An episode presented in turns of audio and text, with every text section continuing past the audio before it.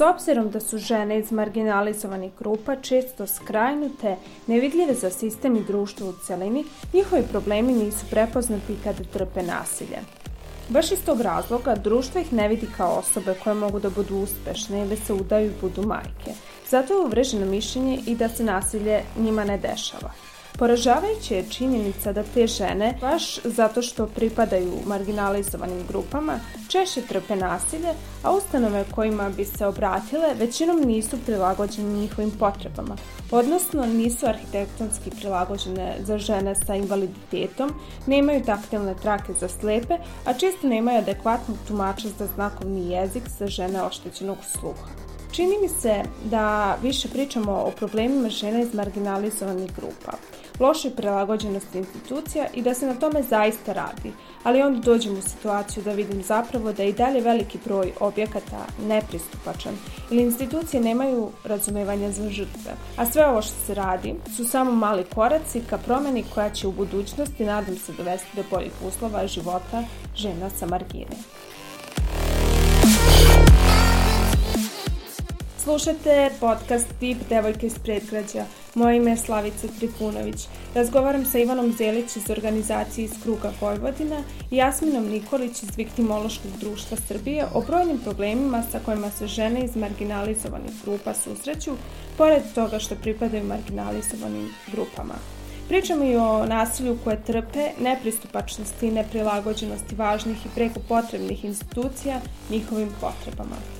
Kako posmatramo osobe sa invaliditetom, a posebno žene sa invaliditetom?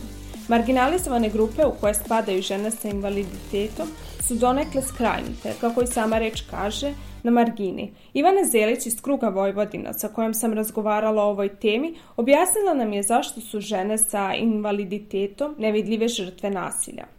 Kada je u pitanju nasilje, mi vrlo često kažemo da, da su žene s različitim vrstama invaliditeta zapravo nevidljive žrtve nasilja.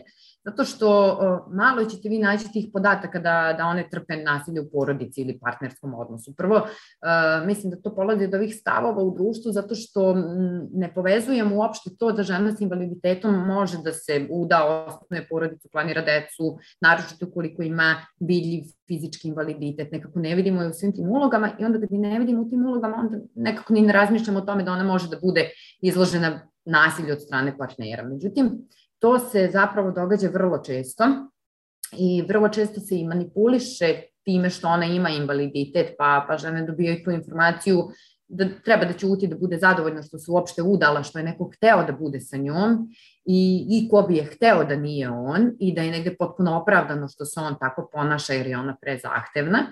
Postoje različiti oblici nasilja koje žene trpe. Od seksualnog, ekonomskog, emocionalnog, proganjanja, fizičkog pa sve do psihološkog nasilja. Kada se fokusiramo na žene iz marginalizovanih grupa, odnosno žene sa invaliditetom, one najčešće trpe psihološko nasilje. Ono nije jedino, jer su pored psihološkog tu i seksualno i fizičko nasilje. Seksualno se međutim ređe prijavljuje kao najčešći oblik nasilja kad su u pitanju žene sa invaliditetom javlja se psihološko nasilje i to je zapravo nešto što je karakteristično i za žene bez invaliditeta.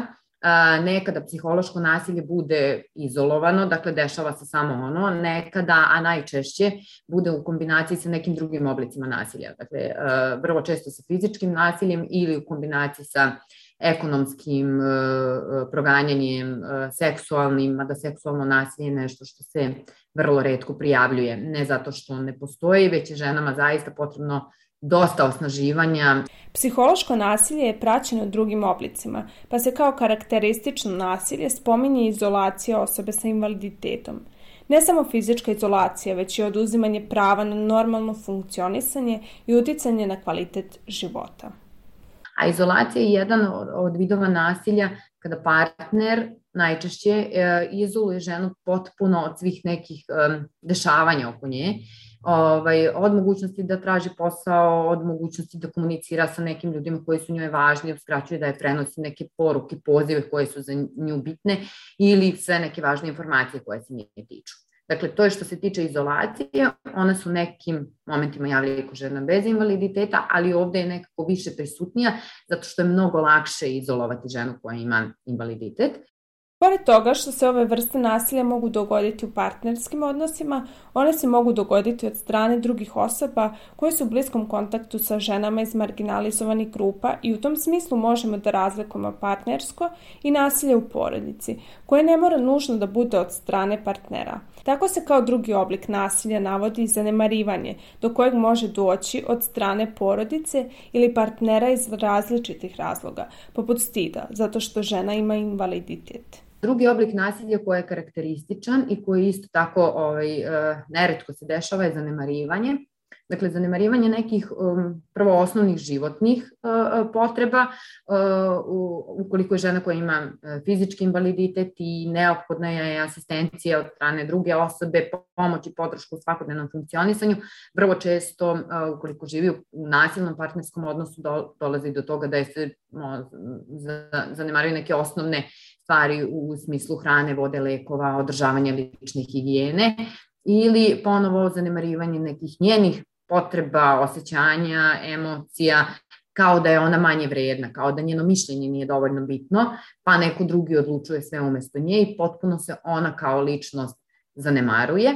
Marginalizovanim grupama pripadaju romkinje, koje takođe prate brojne predrasude od onih da se one mlade udaju, da se ne školuju i da većina Roma prosi ali i da je nasilje za njih normalna pojava i da ne treba obraćati pažnju na to. A Jasmina Nikolić iz Viktimološkog društva Srbije sa kojom sam razgovarala objašnjava da su romske zajednice zatvorene i da se o nasilju redko priča van njih, što je svakako problematično jer se romkinje zbog toga redko obraćaju institucijama. Imali smo prilike da ulazimo i u, u romske zajednice, da razgovaramo sa a, romskim ženama, da negde vidimo ovo kakav je njihov način života, kako su a, u principu, kako se one snalaze u situaciji nasilja i a, čisto ako govorimo za romkinje, naše iskustvo, iskustvo isto istraživanje da su oni jako u svojim nekako oslonjene na svoje romske zajednice da vrlo slabo komuniciraju i negde da smeju da, da pričaju o nasilju van svojih zajednica. Iznova i iznova se spominje veoma važna tema, a to je da se u društvu ženama često postavlja pitanje zašto nije prijavila nasilje, ali koliko je to kompleksna procedura i šta je sve neophodno da bi se žena osnažila, ispričala je Ivana Zelić Đelić iz kruga Vojvodina. Prvo, e, e, prijaviti nasilje nije ni malo lako. Ne samo ženi sa invaliditetom, već bilo koje ženi, jer je to vrlo ozbiljan korak i to podrazumeva ulazak u neku proceduru i to podrazumeva da će ona obelodaniti ono što se dešava u njenoj porodici i ono što se dešava od strane osobe koja je njoj vrlo bliska i koju ona voli i za koju je verovala da voli nju.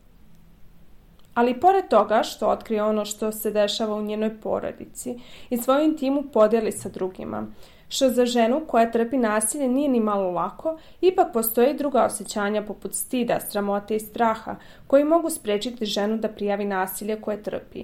Tu je utisak koji sam nasilnik ostavlja na okolinu, predstavljajući se kao dobar otac, sin, muž i gradeći takvu sliku u društvu kako bi ono teže poverovalo da je on nasilnik, što se i događa tu su stid, e, sramota i strah. nekako i dalje je prisutno to mišljenje da je ona kriva zbog toga što se događa, da je ona kriva što je donela takav izbor u životu, što je ona odlučila da se baš za tu osobu uda, što je baš sa tom osobom odlučila da, ne znam, stvara porodicu, rađa decu. Sramota od bliskih ljudi, u manjim mestima šta će reći komšiluk i šta će reći selo i kako će oni reagovati ako vide, ne znam, policijske auto ispred kuće, e, da li će verovati, jer e, nasilnici su vrlo često vrlo manipulativni i oni su um, jako dobri za, za širu okolinu. Već smo nekoliko puta spomenuli strah i to zato što se on kao negativna emocija najčešće javlja kod žena koje trpe nasilje u različitim oblicima. Pa tako žene mogu biti uplašene zbog reakcije okoline, ali i samog nasilnika. Odnosno, da ukoliko prijave, nasilje može eskalirati i imati veće posledice, objašnjava Ivana Zelić iz organizacije iz kruga Vojvodina strah da li će se njoj verovati, da li će imati podršku porodice, roditelja i ono najvažnije dece. Jer ako deca u, u svemu tome nisu na njenoj strani i, i provuku da, da nekako neće živeti sa njom ili da, je, da ona to ne treba da radi, ovaj, ona će se najčešće povući. A a treća stvar je taj strah. Znači, strah šta će se dogoditi. Strah u šta ona sad ulazi, kakvi su to sad neki postupci, strah od toga da li će nasilje onog momenta kad ga ona obelodani ispriča eskalirati, da li će on postati tad još ljuti što se ona uopšte odvažila da, da sad pozove policiju i njega prijavi za to što se dogodilo. A šta kada žena odluči da prijavi nasilje i šta je ono sa čim se ona susretne kada se nađe u nekoj od institucija? Zapravo ono što žene vrlo često uh, uh, govore i šta je najveći problem jeste da ih ne slušaju. Uh, mi jesmo svesni svi ovaj, potpuno količinom posla koja je nekada prevelika. Većina institucija zaista ima veliki broj žena koje se obraćaju ili ljudi koji se obraćaju zbog nekih drugih problema, ali ovo je tema koja je osetljiva. I a, ovde je potrebno posvetiti a, više vremena nego, nego za neke druge slučajeve i morate dati prostor da se neke stvari ispričaju, jer onda imate bolju uvid to. Ukoliko se ona trudi da ceo svoj život vama onako prezentuje u pet minuta, ni ćete vi razumeti nju, ni će ona razumeti vas i, i ništa se tada neće dogoditi. Dakle, vrlo često govore da imaju osjećaj kao da ih niko ne čuje. Znači, kao da ih ne slušaju s druge strane, nego da se pro forme uh, rade neke stvari. Važno je da stalno pričamo o nasilju i podstičemo žene da ga prijave tako što ćemo moći da im garantujemo sigurnost a Jasmina Nikolić iz Viktimološkog društva Srbije kaže da je bitno da žene ne ćute o nasilju koje trpe, ali. Da pričaju o tome, ne nužno da prijave ako to ne žele iz e, bilo kojih razloga, nego da se obrate ili nevladinim organizacijama, državnim organizacijama, e, prijateljima, jer to što se dešava nije njihova, e, njihova sramota, nego je sramota nasilnika i vrlo često kad se otvoreno priča o problemu, onda se nađe i neko rešenje. Naravno, nije idealno u društvu ima mnogo problema koji su još veći za marginalizovane grupe, ali ako svi zajedno pokažemo malo dobre volje i nešto uradimo, mislim da može njihov položaj da se poboljša. Patrijarhat je još uvek duboko ukorenjen u društvu, pa tako u mnogim slučajevima žena neće imati gde da ode, ili ukoliko ne radi, nema prihod kojim bi mogla da izdržava sebe. Tu dolazimo i do pitanja da li je to što neće imati gde da ode posledica posmatranja žene u društvu koje se ne ostavlja nikakva imovina upravo zato što će se udati, pa ona upravo zbog toga nema gde ili je tu pitanje šta će drugi ljudi reći. Znači možda će ona da prijavi i poželi da ispriča sve što se dogodilo, ali neće biti adekvatne sankcije za njega zbog toga što je uradio. Strah je od dužine tih postupaka, strah od, od pa na kraju i strah od, od nekako uh, razvoda i uopšte prestanka te zajednice ukoliko govorimo o partnerskom nasilju, jer mnoga pitanja se tu onda pokreću. Znači, ljudi tokom života stiču neke stvari zajedno, odgajaju decu zajedno, funkcionišu zajedno, financije su zajedničke. U tom momentu, naročito ako na njenom imenu nije ništa, ako žive u kući njegovih roditelja, ako su, ne znam, u nekom kreditu ili nešto, to je problem. Znači, to, to su realni problemi sa kojima se te žene suočavaju i trebaju da donesu pravu odluku šta da urade. S jedne strane da izađu iz svega toga što se događa, a s druge strane opet da nastave nekako koliko toliko normalno da žive bez obzira na sve te prepreke koje postoje. Pored onih unutrašnjih barijera u samim ženama, straha od odmazde i loših ishoda, tu je i niz poljašnjih prepreka koji kada se osnaže da prijave, ženama sa različitim vrstama invaliditeta predstavljaju problem. Jedan od tih problema je i arhitektonska nepristupačnost institucija, rekla je Ivana Zelić vi imate ženu koja se na neki način otežano kreće, dakle ona ne mora da bude samo korisnica kolica, ona prosto može ili da koristi neko pomagalo ili jednostavno bez pomagala se otežano kreće. Vi imate ovaj, e, dosta institucija koje su arhitektonski nepristupačne. Dakle, ulazak u e, zdravstvenu ustanovu, centar za socijalni rad, neku policijsku stanicu, zgradu suda, e, nije jednako dostupan svima nama. Dakle, ukoliko žena koristi neko pomagalo, e, a stepenice su na samom ulasku, znači ona ne može bez problema da uđe u tu zgradu, na primjer. Pa se vrlo često dešava da je kancelarija u kojoj ona treba da obavi neki razgovor na prvom, drugom, trećem spratu, a ne postoji lift. Nedostatak rampi liftova fizička su prepreka za osobe sa invaliditetom. Kada su u pitanju žene oštećenog sluha ili one koje imaju neki oblik intelektualnog invaliditeta, za njih može biti nerazumljivo sve ono što je napisano. Ukoliko je žena oštećenog sluha, potreban je i tumač znakovnog jezika koji ne postoji u nekim institucijama. Vrlo često su informacije uh, zbunjujuće, previše informacija na onim oglasnim tablama, pa žene koje imaju neki vid intelektualnog invaliditeta se ne snalaze najbolje, znači prosto ne mogu da razumeju šta sve to piše.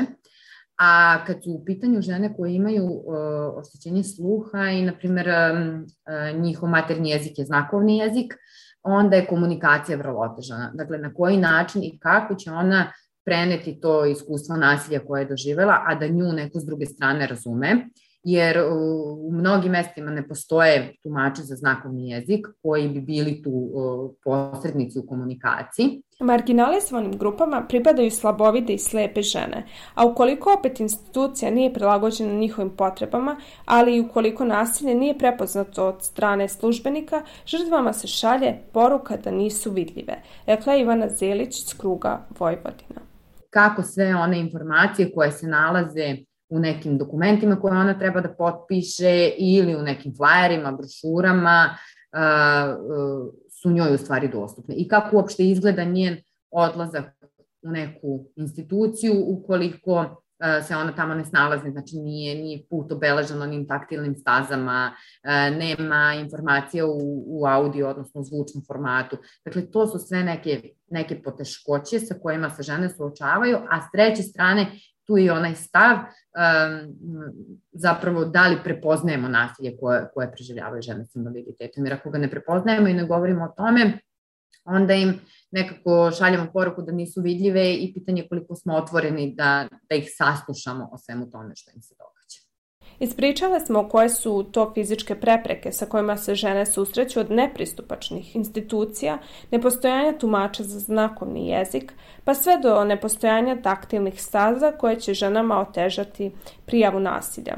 Ipak, kada sve to prevaziđu i dođu do odgovarajućih službenika, kako će on reagovati ne može se predvideti. A Ivana Zelić kaže da – to najčešće zavisi od samog službenika. Mislim, nažalost, ne možemo imati neki generalan stav pa reći svi rade dobro ili svi rade loše. Nažalost, e, to kako će izgledati sama ta prijava i kakav će biti dalje ishod najčešće zavisi od pojedinaca koji rade u institucijama. Dakle, ukoliko vi imate neke osobe koje su senzibilisane, prošle su neke obuke, imaju neko iskustvo u radu, svesni su problema, a, vi šaljete dobru poruku. To znači da ćete vi da postupite onako kako svi mi treba da postupimo, a to je profesionalno, da ćete saslušati tog nekoga, da ćete uraditi sve što je zakonski u vašoj nadležnosti, da ta žena koja je došla i vama ispričala ono što se njoj događa 5, 10, 15 godina, da je zaštitite o, i da pružite sve neke moguće opcije koje su njoj na raspolaganju. Ženama koje trpe nasilje potrebna je ogromna hrabrost i osnaživanje da to i prijave. Prvi susret sa institucijama, bez obzira da li je u pitanju Centar za socijalni rad, policija ili tužilaštvo, je najvažniji, jer ukoliko je on negativan, može uticati na to da se žena povuče i nastavi da trpi nasilje. Ivana Zelić iz kruga Vojvodina ukazuje na to da. Koliko pak s druge strane ona naiđe na nekoga ko nije senzibilisan, ko misli da ona nije iskrena, da preuveličava, da laže, da ona sigurno hoće neku korist da izvuče od svega toga, u manjim sredinama ako poznaju tu, tu osobu koja je nasilna, mada i u većim, mislim, prosto dešava se da se ljudi poznaju, onda nekako ne bude taj odgovor dobar. Uh, ili ukoliko se profesionalci postave tako da sve što oni um, odluče, to je najbolje za ženu, znači prosto ne, uvaža, ne uvažavaju ono njeno mišljenje, ovaj, tada dolazi do problema i tada oni stvaraju zid i zapravo ne postupaju onako kako bi trebalo da postupaju. Žena može pretrpeti nasilje u partnerskom odnosu, ali i unutar porodice.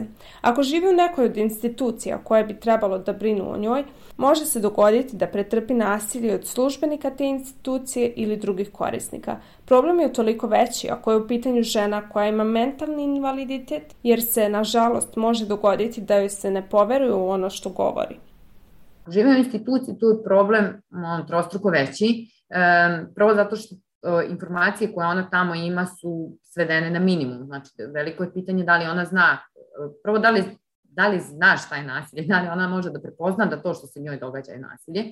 E, drugo, što tamo postoje potencijalni e, drugi neki počinioci nasilja. Dakle, e, ne mora to samo da budu to, ta partnerska relacija. Dakle, tu je i broj zaposlenih, tu su i neki drugi korisnici. Treće, na koji način ona to prijavljuje i da li ona uopšte ima mogućnost da dođe do neke službe koje bi to prijavila. A četvrto, ukoliko ima neki mentalni invaliditet, pitanje je da li je tačno to što ona govori. Žene sa mentalnim poteškoćama mogu doći u situaciju da im se ne veruje kada govore o nasilju koje su pretrpele. A Ivana Zelić kaže da je potrebno saslušati te žene i da će uz pomoć čitanja njihovih emocija znati da li govore istinu.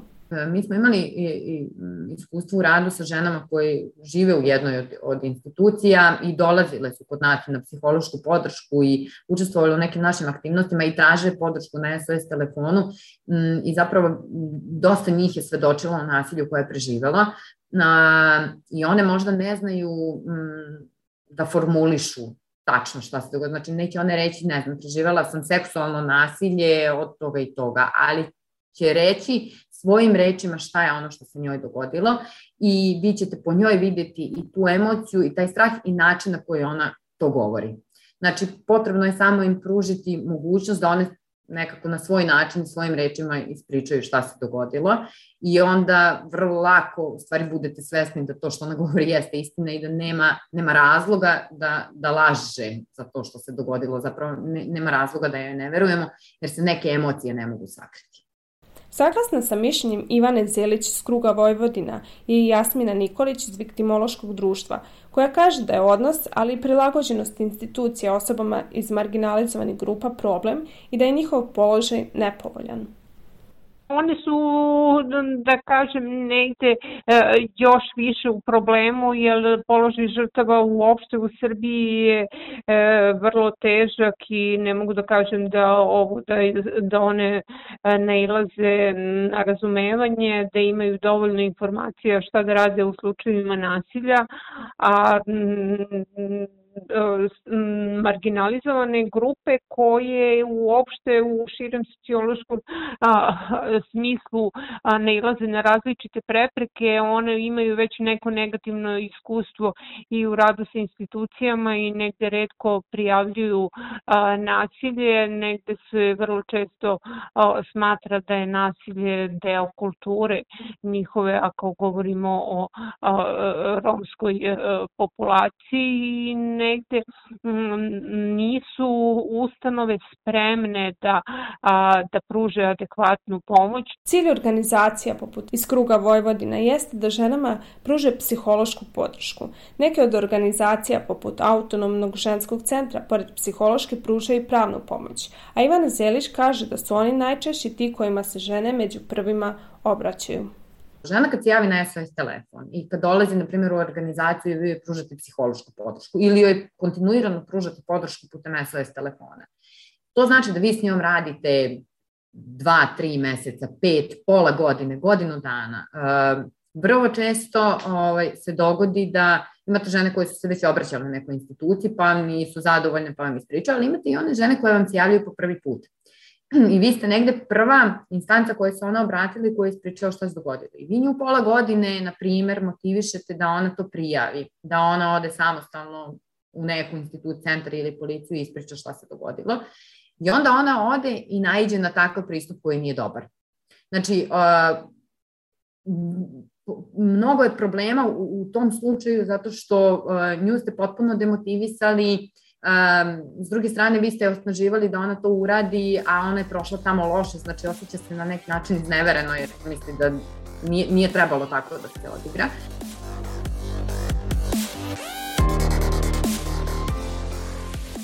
Slušali ste podcast Tip Devojke iz predgrađa sa Ivanom Zelić iz Kruga Vojvodina i Jasminom Nikolić iz Viktimološkog društva Srbije. Razgovarala sam o nepristupačnosti institucija, marginalizovanim grupama, zatvorenosti romskih zajednica, o izolaciji i zanemarivanju koji su posebno karakteristični oblici nasilja u marginalizovanim grupama, Podcast možete slušati na Sounder FM-u, podcast.rs-u, Google Podcastu i Spotify-u. Ja svakako očekam vaše komentare, razmišljanje i predloge tema na društvenim mrežama Fabrike kreativnosti. Na Facebooku smo Fabrika kreativnosti, a na Instagramu Fabrika podcasta. Čujemo se uskoro. Produkcija Fabrika kreativnosti.